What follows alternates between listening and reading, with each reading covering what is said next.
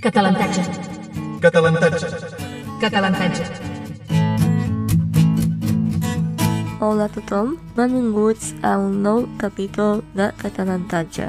Avui un tema molt especial i molt important, crec, perquè es tracta d'una iniciativa força bonica, força útil pels estudiants de català d'arreu del món. Em refereixo a les estades lingüístiques que s'organitzen a Catalunya i una d'elles, el campus universitari de la llengua catalana, es va organitzar aquest any del 24 de juliol al 7 d'agost a Girona i Andorra van participar 30 persones d'arreu del món, persones joves que aprenen català, que estimen el català i que volien millorar el seu domini del català. Què diuen els participants? Què tal va ser? Ens van donar les respostes a les preguntes més típiques.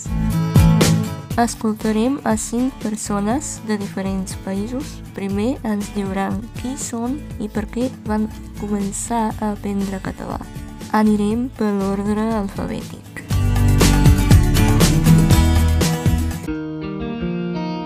Jo em dic Alexandra Vitezovich, tinc 21 anys i sóc de Kosieric, un poble a l'oest de Sèrbia, però ara visc a Belgrad. A l'octubre començo el meu tercer any d'estudis de castellà a la Facultat de Filologia. M'encanten les llengües i, a més de català, parlo castellà, anglès, francès i una mica de turc. Vaig començar a aprendre català per curiositat. Ja estudio castellà en la Facultat de Filologia i m'interessen força tant les llengües en general com les llengües i les cultures hispàniques en particular. Així que quan vaig començar els meus estudis vaig veure que existia la possibilitat d'escollir català com, com a segona llengua. I vaig dir a mi mateixa per què no aprendre una altra llengua que es parla a Espanya. Em semblava molt bonica la llengua i quan vaig començar a aprendre sobre la seva cultura em va treure encara més perquè és tan petita però força bonica. Bon dia, em dic Alice, tinc 21 anys i sóc de la República Txeca. Vaig estudiar Filologia Hispànica a la Universitat Carolina de Praga. Ara estic canviant de carrera i a partir d'aquest setembre començaré a estudiar Comunicació de Màrqueting. A mi m'agrada molt aprendre idiomes i el català és la meva llengua preferida del món. He viatjat moltes vegades a les Illes Balears i també vaig passar tres estius sencers treballant a Mallorca, on sempre escoltava el català o el mallorquí, que m'agradava molt i com que hi havia la possibilitat d'estudiar català a la meva universitat, l'octubre passat em vaig inscriure a les classes per aprendre a parlar aquesta llengua tan bonica. Parlo castellà, que em va ajudar en el meu aprenentatge i també diria que el meu professor de català és el millor professor que he tingut a la meva vida, així que les classes van resultar ser la meva part preferida dels meus estudis. Hola, jo sóc Fernando, sóc de León, d'Espanya, tinc 21 anys i he terminat aquest any els meus estudis a Llengües, Literatures i Cultures Romàniques a la Universitat de Salamanca. Vaig decidir aprendre català perquè des de que era petit em va semblar una, una llengua molt interessant per la musicalitat, la sonoritat i en general m'agrada molt. Seré sincer, eren dues setmanes gratis aprenent una llengua que m'encanta i vaig dir, per què no? És una oportunitat molt bona i vaig decidir aprofitar-la. Hola, el meu nom és Senén Alonso Alum, soc de Cuba, però ara mateix estic vivint a Madrid. Soc graduat de Filologia Hispànica amb una especialització en Filologia Clàssica i tinc 25 anys.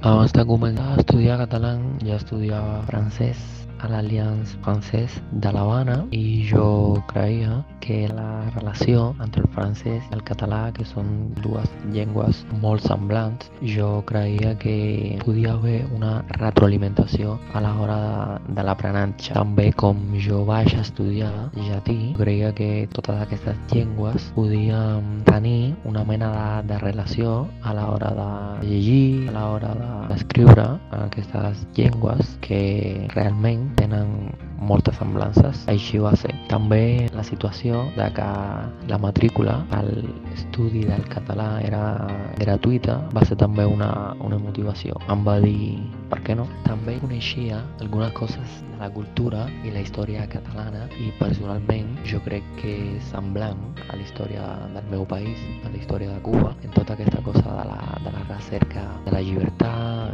tota aquesta cosa de la opressió per un estat tirànic, etc. I de fet, la bandera independentista catalana, l'estelada, està basada a la bandera cubana. Jo crec que aquestes van ser la, les raons principals per les quals jo vaig decidir estudiar aquesta llengua. Hola, sóc la Teodora, tinc 23 anys, ara visc a Belgrad i estudio francès a la Universitat de Belgrad. Vaig decidir aprendre català perquè m'encanten les llengües romàniques i m'agradava molt des del principi que no molta gent l'aprèn.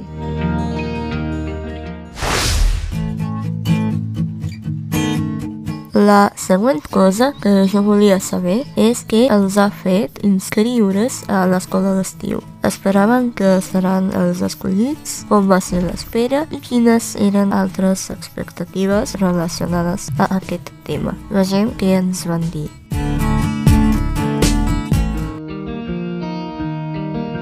Era una proposta del meu professor de català. Jo no sabia que existia aquest campus. Ell pensava que em podria resultar interessant i, és clar, quan vaig veure que es tractava, jo també sabia que, que m'havia d'apuntar. Em semblava com un somni fet realitat. Sincerament, jo tenia plans d'anar de vacances amb una amiga i em vaig inscriure al campus perquè tenia moltes ganes d'anar a Catalunya, però no esperava que m'acceptessin. No pensava que tenia chances que m'escollin a mi entre tanta gent. Crec que he tingut molta sort i l'espera, clar, era tensa, estava comptant els dies fins el 20 de maig per veure si ho he rebut o no ho he rebut i a veure què tal. A mi m'agrada molt aprendre idiomes i el català és la meva llengua preferida del món. He viatjat moltes vegades a les Illes Balears i també vaig passar tres estius sencers treballant a Mallorca, on sempre escoltava el català o el mallorquí, que m'agradava molt i com que hi havia la possibilitat d'estudiar català a la meva universitat, l'octubre passat em vaig inscriure a les classes per aprendre a parlar aquesta llengua tan bonica. Parlo castellà, que em va ajudar en el meu aprenentatge i també diria que el meu professor de català és el millor professor que he tingut a la meva vida, així que les classes van resultar ser la meva part preferida dels meus estudis. L'Andreu, el nostre professor de català, ens va dir que hi ha l'oportunitat de participar en una estada lingüística cada estiu i, clar, jo tenia moltes ganes de provar-ho perquè el català es va convertir en una gran part de la meva vida l'any passat i sí, tenia moltes ganes d'aprendre més, de conèixer gent nova i viatjar a llocs on es parla la llengua. I també hi havia més opcions, però vaig triar el campus a Girona i a Andorra, sobretot perquè m'agradava la idea de visitar dos països diferents. Al principi vaig pensar que era bastant probable ser escollida perquè el Centre de Català de Praga treballa molt estretament amb el govern d'Andorra i per això la República Txeca té tres beques garantides al campus. I jo era una de les tres persones txeques que volia participar, però després més gent va decidir provar-ho i jo estava molt nerviosa perquè era com el meu somni i hi havia més gent que beques, clar. Sí, però tot tot, tot va sortir bé i jo recordo el matí del 20 de maig quan la primera cosa que vaig veure després de despertar-me va ser un correu electrònic del meu professor que deia enhorabona, tens la beca i sí, estava increïblement feliç. Seré sincer, eren dues setmanes gratis aprenent una llengua que m'encanta i vaig dir, per què no? És una oportunitat molt bona i vaig decidir aprofitar-la. Realment no, no esperava que m'escollessin, perquè només he estudiat català durant un any i l'espera, bo, com era època d'exàmens i d'estar a classe, tampoc tenia jo el cap dins del campus. Finalment no vaig ser escollit la primera vegada vaig aconseguir entrar a la segona llista, però molt content, la veritat. Durant català he tingut dos professors, primer l'Oriol i després la Marina, i aquests dos professors em van comentar sobre la possibilitat de viatjar cap a Catalunya, cap a Andorra, per a seguir estudiant la, la llengua en aquesta, en aquesta estada. Em van explicar que era com una mena de viatge escolar, de curs d'estiu. Jo creia que jo tenia possibilitat d'accedir perquè feia dos anys i mig que jo estudiava català i jo creia que sí, que jo tenia possibilitat i per això he aplicat a aquesta estada. Sèrbia no tenia moltes oportunitats de parlar en català i de millorar la llengua i una estada lingüística em semblava com la millor opció per fer-ho. De veritat, esperava la resposta positiva perquè fa dos anys que l'aprenc a la universitat i penso que les meves notes, com la meva participació a les classes, em fan un bon candidat, però l'esperava ser una mica nerviós.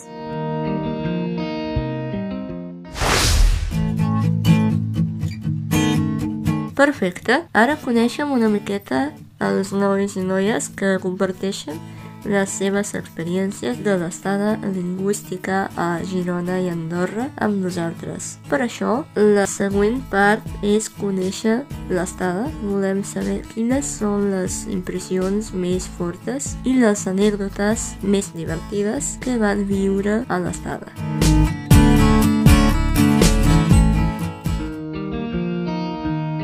Hi ha moltíssimes anècdotes i de fet crec que gairebé cadascun de nosaltres té una anècdota relacionada amb ell que al final es va convertir en un pòster graciós fet per Annalisa, una noia del campus. I crec que tot això va començar gràcies a una cosa que, que jo vaig dir. Bé, com de vegades jo parlo sense pensar, quan vam parlar sobre curiositats, jo vaig dir que la meva curiositat era que mai he caigut d'una bicicleta. Òbviament, tothom va començar a riure perquè ningú ho esperava i no és una informació tan curiosa ni interessant i també perquè no he explicat primer que jo sóc una persona molt maldestra i en general caic moltíssim caminant a peu i com que m'encanta i vaig molt en bicicleta, el fet de que mai he caigut d'una bicicleta és un miracle. Això es va convertir en una broma durant gairebé tot el campus i cada cop que algú notava una bicicleta em deia «Ai, Àlex, mira, una bici!»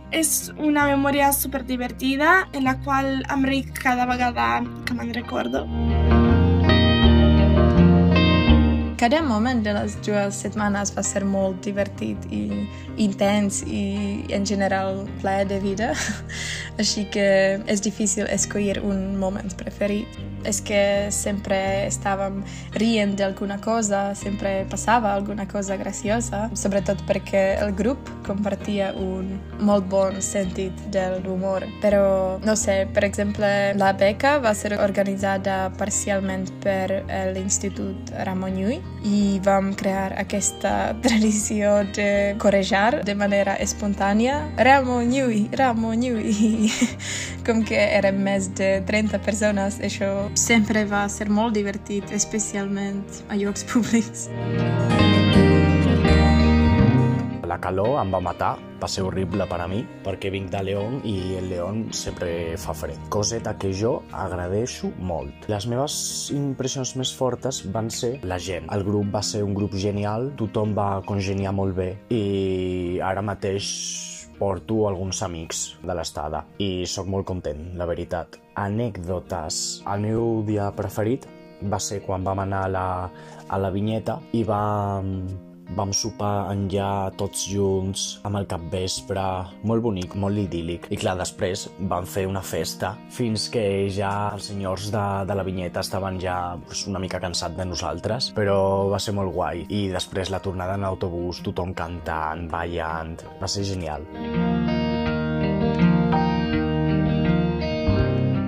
Jo crec que la major i millor impressió d'aquest viatge va ser, va ser la gent que vaig conèixer molt bons amics que poden ser amics per tota la vida. També em va agradar moltíssim, moltíssim aquesta, aquesta idea de que el català és una llengua molt viva, sobretot per tota aquesta gent que s'interessa per aquesta llengua, malgrat ser una llengua llunyà a la majoria dels estudiants com a anècdota, va ser molt, molt acogidor i molt graciós un dia que van visitar una vinyeta molt a prop de la frontera amb França i després d'aprendre el vi, cadascú va cantar una cançó del seu país, de la seva cultura. Jo va cantar la Guantanamera. Efectivament, tothom la coneixia i tothom va cantar. I això va ser un, un moment graciós. Diria que les impressions més fortes per a mi són relacionades amb la gent del campus, però Catalunya i Andorra són magnífiques. A Girona m'ha agradat més l'arquitectura blanca de la, de la ciutat i a Andorra el paisatge entre muntanyes.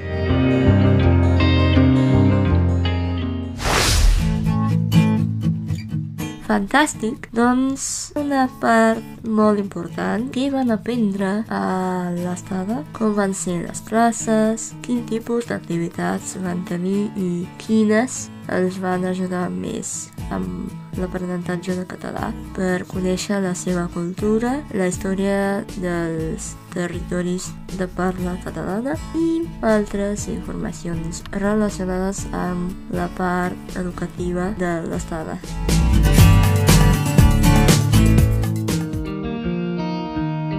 Les classes s'assemblaven molt a les nostres classes de la facultat i eren interessants perquè fèiem diferents activitats, tant en grups com individualment, i parlàvem i apreníem una mica de tot. Apreníem en general de la cultura catalana i d'andorrana també, de literatura abans i ara, de llengua, de gramàtica, de música en català, etc. En general no, no era avorrit i no es tractava de les classes clàssiques on el professor parla i els estudiants només escolten i ja, sinó tothom parlava. Definitivament, ara parlo força, força millor, conec més sobre la seva cultura, sobretot sobre el seu menjar i les seves begudes. Abans de res, he perdut la por de parlar en català i confondre les paraules en català amb les paraules en castellà perquè vaig veure que tothom ho fa i que no passa res. O sigui, el més important és parlar i amb el temps els errors seran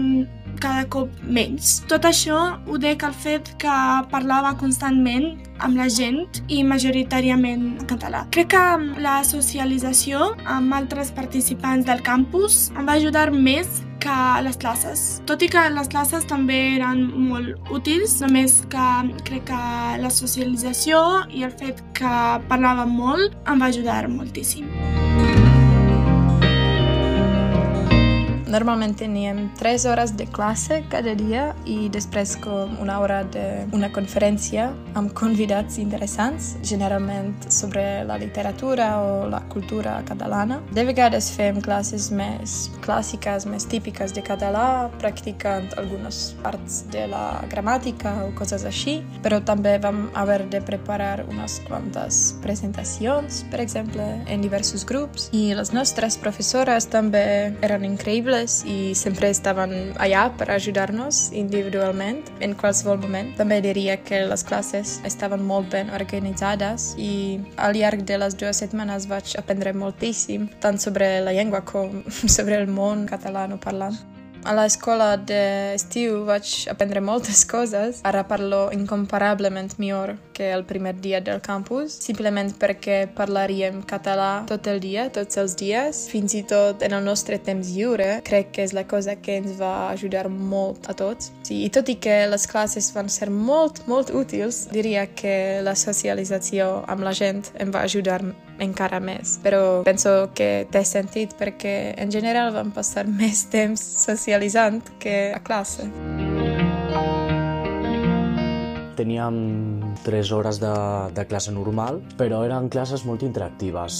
Fèiem jocs, parlàvem... No era, no era com la classe a la universitat, era més, no sé, més juvenil no tan acadèmic tot. A mi em semblaven molt interessants perquè vam estudiar els pronoms febles que és una cosa que a mi em sembla bastant difícil i també vam tenir xerrades sobre literatura, cultura i a mi em va agradar molt perquè vaig conèixer una, una miqueta més de la literatura catalana. Vaig aprendre sobretot a desenvolupar-me amb la llengua, a aprendre una miqueta de fluidesa i a perdre la por a parlar en públic. I crec que sí, que ara parlo millor el català i coneixo més de la cultura, sobretot la, la ratafia, una beguda que em va encantar. El que més em va ajudar va ser parlar amb la gent, perquè realment només pots conèixer la llengua al parlar amb la gent, la gent del carrer. Estudiem una llengua molt estandarditzada que realment no s'utilitza mai.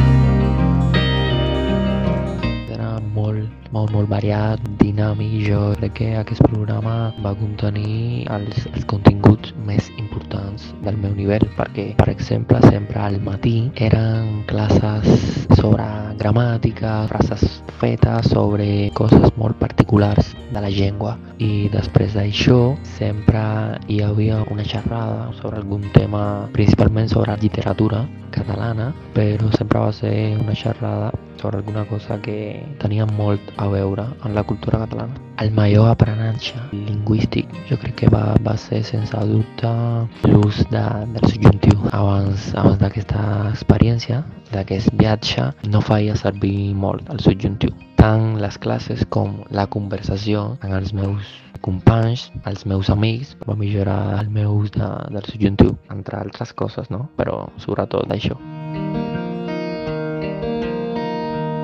Vam fer moltes activitats junts, presentacions, vam jugar molts jocs, però també vam fer molts exercicis de gramàtica, com per exemple els pronoms febles, que va marcar tota l'estada.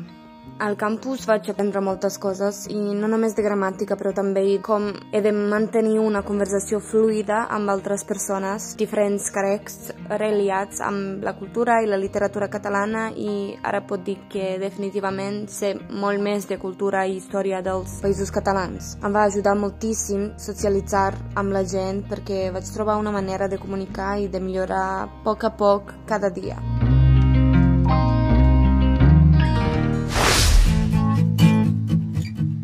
Molt bé. La part que tenim ara, la pregunta que ens van respondre és si van conèixer algú amb qui mantindran el contacte, si van fer amics propers. Vegem.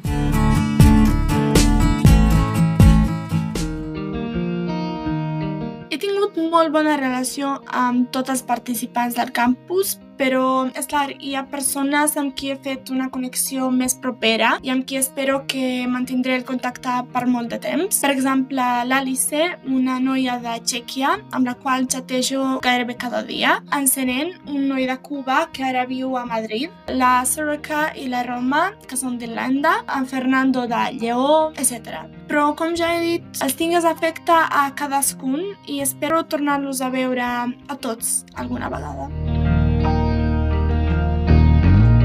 Segurament he conegut gent amb qui mantindré el contacte. Crec que vam començar unes amistats tan bones i plenes d'alegria que sento que mantindré com a mínim una mica de contacte amb tothom. Això és també molt fàcil amb les xarxes socials i tot això, però per descomptat hi ha gent amb qui he parlat més i m'imagino que ens tornem a trobar ben aviat. Per exemple, amb l'Alex de Sèrbia, amb qui parlo moltíssim. Ja hem comentat que ella podria venir a Txèquia aquest any. També tinc el pla de visitar les meves amigues d'Irlanda a Barcelona durant el seu Erasmus l'any que ve i més coses així. I tots estem encara en contacte i ens enviem uns quants missatges cada dia i com que vam viure una cosa tan especial junts, crec que sempre tindrem aquesta connexió. La veritat que sí. He fet bastants amics i amb alguns podré estar en contacte més fàcil que amb altres perquè tinc amics ara que són de Sèrbia, Croàcia, Polònia, però realment tindré contacte real amb aquests que són a Espanya. No només som els espanyols, que érem tres, sinó que ara mateix hi ha un altre amic, Luc, que estudiarà aquí a Espanya, i Misha, que farà l'Erasmus a Granada, i tinc moltes ganes de veure's. Sí, clar, he conegut molta gent durant aquesta estada que en altres circumstàncies jo crec que molt fàcilment haguessin estat molt bons amics. Sobretot eh, un noi de Quebec, el meu company de cambra, les noies de Txèquia, per exemple, la gent de Sèrbia, van ser molt, molt macos, em va agradar moltíssim. Així que jo crec que he fet amics, que he conegut gent que se m'entendrà, se m'entendrà la meva vida. Sí, vaig conèixer molta gent amb qui m'agradaria molt mantindre en contacte. Fa dues setmanes que, que no som en el campus, que no hi ha l'estada, i jo encara parlo amb la gent de l'estada.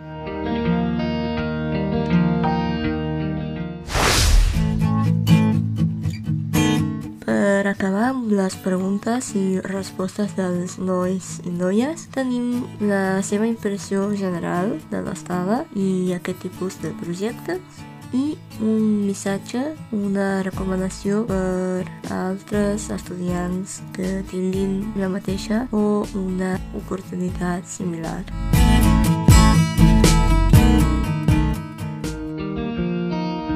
Només tinc coses boniques de dir sobre l'estada. És una de les millors experiències de la meva vida, si no la millor. Una cosa irrepetible que recomanaria absolutament a tothom. I si tinc una oportunitat de tornar a participar a un campus, no ho perdré per res del món. Òbviament no serà el mateix, però m'agradaria tornar a viure una cosa així o, si més no, similar. No sé què dir més. Estic molt, molt agraïda per l'oportunitat de conèixer gent meravellosa que té els mateixos interessos que jo, aprendre amb ells i d'ells també i compartir moments inolvidables i irrepetibles. Gràcies al campus vaig començar a estimar encara més la llengua catalana i em va ajudar a decidir el meu futur amb el català i ara, sense dubte, seguiré estudiant.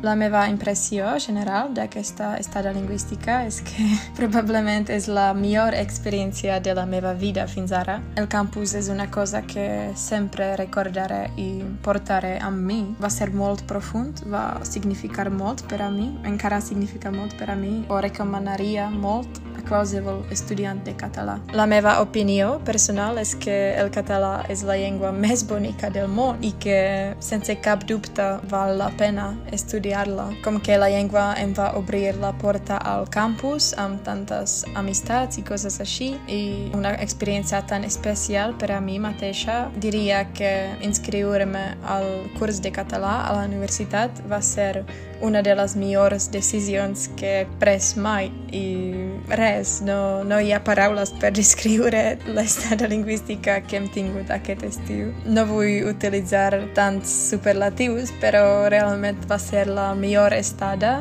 la estada perfecta i literalment cada part d'aquestes dues setmanes va ser impecable i inoblidable. Ara tinc moltes ganes de continuar amb els meus estudis de català, també de tornar a Catalunya o a Andorra, perquè aquests llocs s'han convertit en llocs plens de bons records. I com ja he dit, el campus, aquesta estada lingüística i la gent que ara conec, tot això em va canviar la vida i és una cosa que portaré sempre amb mi i una experiència que va crear tanta felicitat i sí, crec que, crec que és per sempre.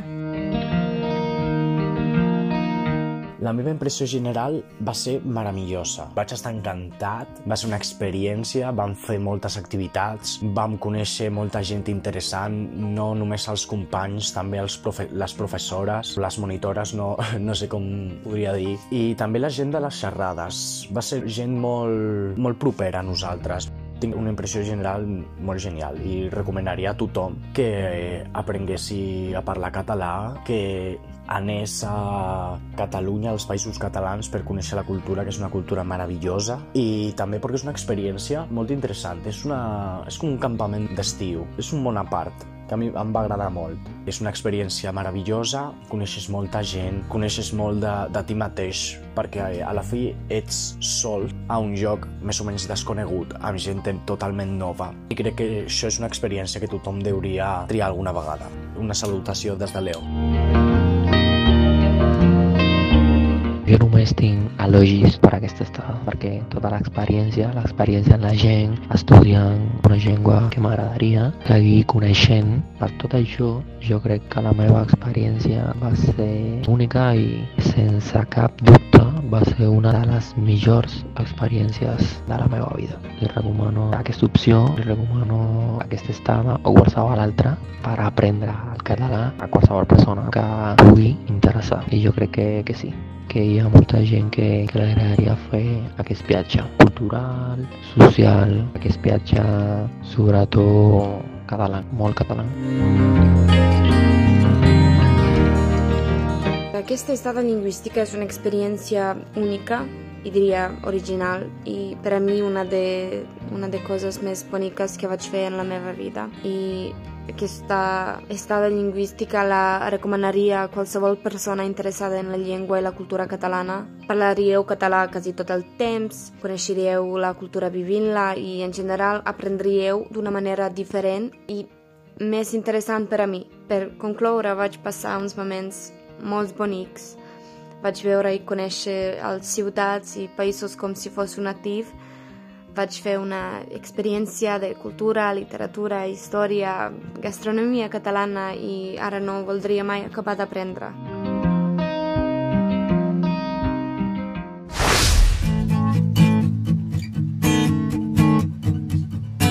Fantàstic. En primer lloc, a les tres noies i els dos nois que van participar. Gràcies per les vostres respostes i per voler participar. Algunes coses que vull recalcar perquè crec que són importants. La majoria dels nois i noies van mencionar els seus professors de català. Han dit que els seus professors de català són fantàstics, però la majoria són els seus professors preferits a la universitat. Enhorabona a l'Institut Ramon Llull per la seva manera d'escollir els professors que van a altres països per ajudar a la gent i sobretot a la gent jove a aprendre i estimar català tothom de nosaltres que tenim contacte amb el català crec que estimem aquesta llengua bonica i això a mi em sembla força important. Gairebé cadascun dels nois i noies va comentar el fet de que aquesta estada va ser una de les coses més interessants i més úniques, més importants de la seva vida i recomanen a tothom i tingui l'oportunitat que vaja a alguna estada similar. Això és l'altra cosa que voldria recalcar que és gent jove, tenen entre 20 i 25 anys, van viure segur que moltes coses, però van destacar aquesta experiència per ser tan especial i tan única i jo crec que amb això ens van donar la resposta més important que és sí, aneu a les estades lingüístiques per millorar el vostre català, però també per gaudir, per conèixer gent que també estima aquesta llengua i aquesta cultura i per passar un temps inolvidable.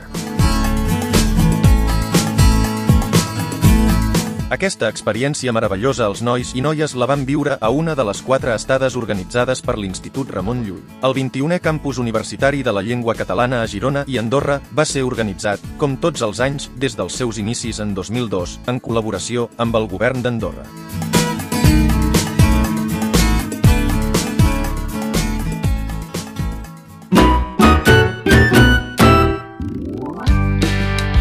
Ei, Enric, què faràs el diumenge? Escoltaré el següent capítol de Catalantatge. I tu? Jo també. Diuen que està bé. Estic impacienta. No m'ho perdria per res del món. Sí, muller, és molt interessant, divertit i útil. Ja veuràs. Recorda, diumenge a les 6 hores de la tarda, hora espanyola. Visita el lloc web del podcast i troba tots els capítols o episodis, així com els articles del blog. catalantatge.cat